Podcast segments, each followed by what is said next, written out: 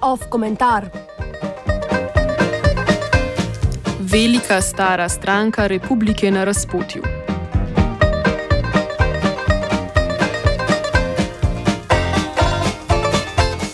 Ameriške strankarske volitve se počasi bližajo koncu in čeprav se prava bitka za Belo hišo šele začenja, je najbolj zanimiv del volilnega leta verjetno že za nami. Če ne pride do kakšnega izrednega dogodka, ameriške voljivce čakajo predvsem meseci političnega pozicijskega bojevanja. Vsaj del volilnega, volilne sezone pa bo politična elita posvetila prebavljanju pretresa, ki se je v obeh strankah zgodil med strankarskimi volitvami. V obeh taborih se je razkril globok prepad med volilno bazo in strankarsko elito. Pri demokratih je Hillary Clinton uspela premagati revolt z leve, stranko pa skupaj drži predvsem priljubljeni predsednik Obama.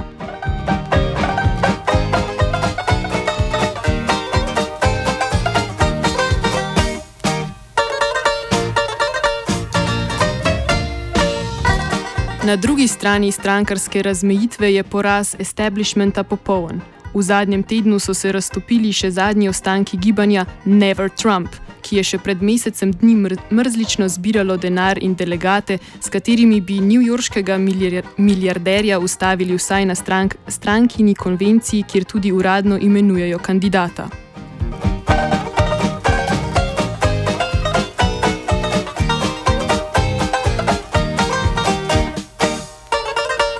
Republikanska stranka se je presenetljivo hitro konsolidirala okoli Trumpa, ki je velik del svoje popularnosti izgradil na napadih in žaljenju strankine elite.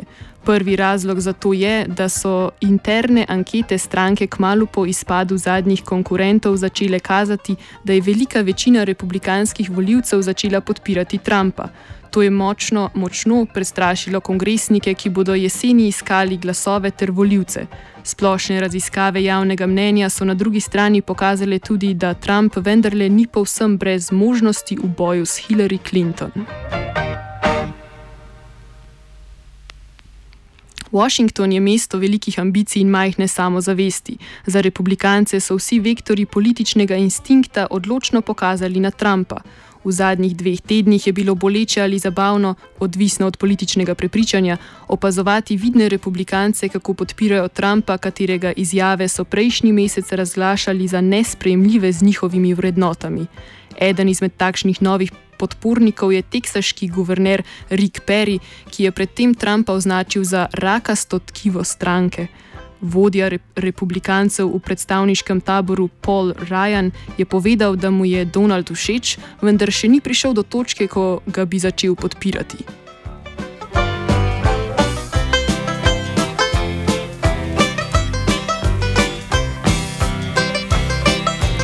Za to strankarsko elito so bile strankarske volitve neprijeten šok.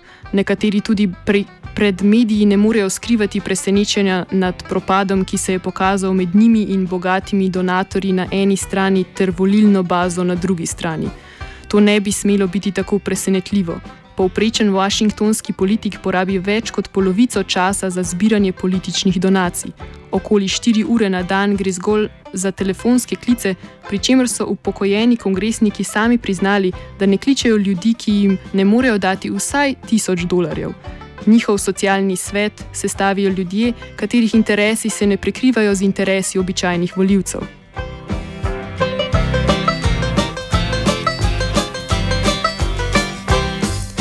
Zaradi tega si je večina republikancev napačno razlagalo pojav čajankarjev.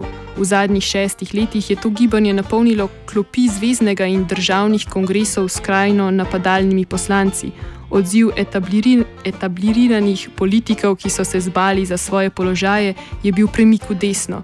V čajankarjih so videli poziv baze, naj stranka ustraja na ideološki čistosti.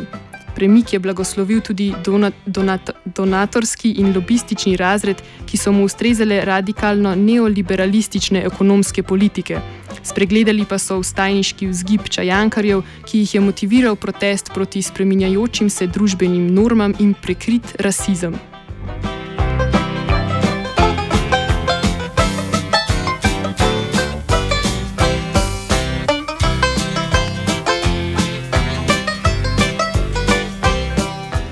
Pa ni ušlo Donaldu Trumpu, ki je na politično sceno vstopil z obtožbami, da Obama ni bil rojen v Združenih državah, zaradi česar naj ne bi bil legitimen predsednik.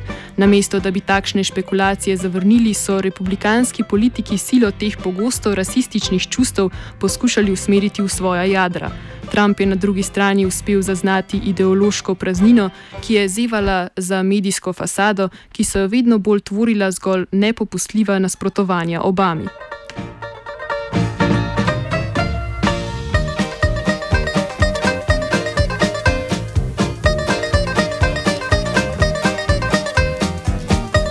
Republikansko stranko je zadnja tri desetletja združevala ideologija, ki jo je začrt, začrtalo predsednikovanje Ronalda Reagana. Ta je združevala neoliberalno ekonomijo in konzervativna družbena načela, ki so temeljila na prepričanju o socialnem darvinizmu. Za republikance je Reagan postal podobna fi figura, kot je bil v Weimarski Nemčiji Bismarck. Maksima delovanja je, naj bi Reagan storil na, na tvojem mestu. S centralno figuro Regana je bilo možno prikriti vedno večja razhajanja v stranki.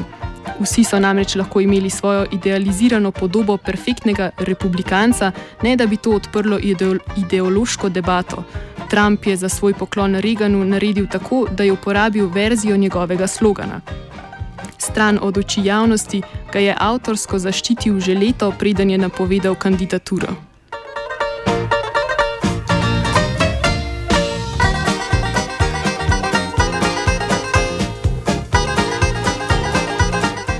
Trumpova naklonjenost Reaganu pa je zgolj retorična. To je tudi točka, kjer najbolj jezi strankarsko elito.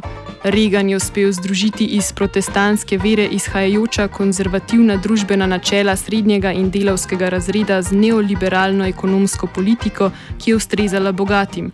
V zunanji politiki je povezal patriotizem z agresivnim nastopom na mednarodnem prizorišču. Njegovim manj spretnim naslednikom sta pri ohranjanju te koalicije pomagala konec hladne vojne in šok 11. septembra.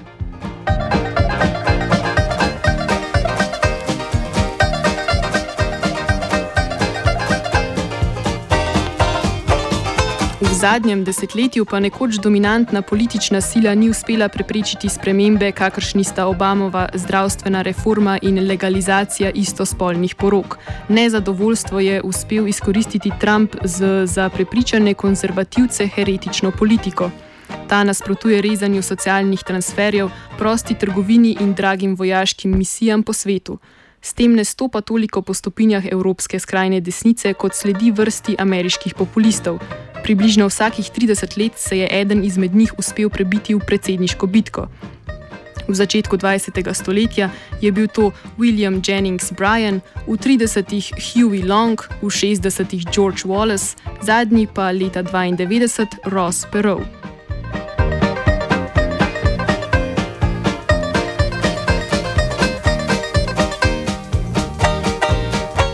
Tako kot Trump je bil tudi Perov milijarder z preprostimi ekonomskimi načeli.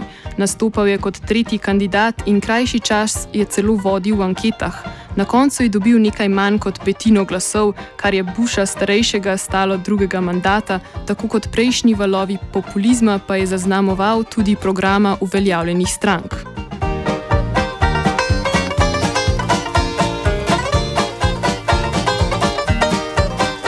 Trump ima zaradi svoje medijske spretnosti in šibkosti Hillary Clinton od vseh populističnih kandidatov najboljše možnosti za zmago. Pred nami je pet mesecev trde kampanje, ki bodo odločili, če je oranžna res nova črna. Drugo vprašanje pa je, kako se bo preobrazila ameriška desnica. Konsens zadnjih desetletij je namreč razbit in ne zdi se prav verjetno, da se bodo lahko po volitvah spet obnovili.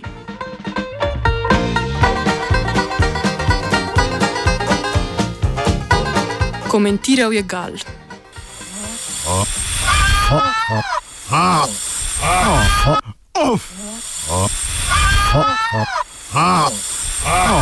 Off komentar. Poslušate radio študent. Power.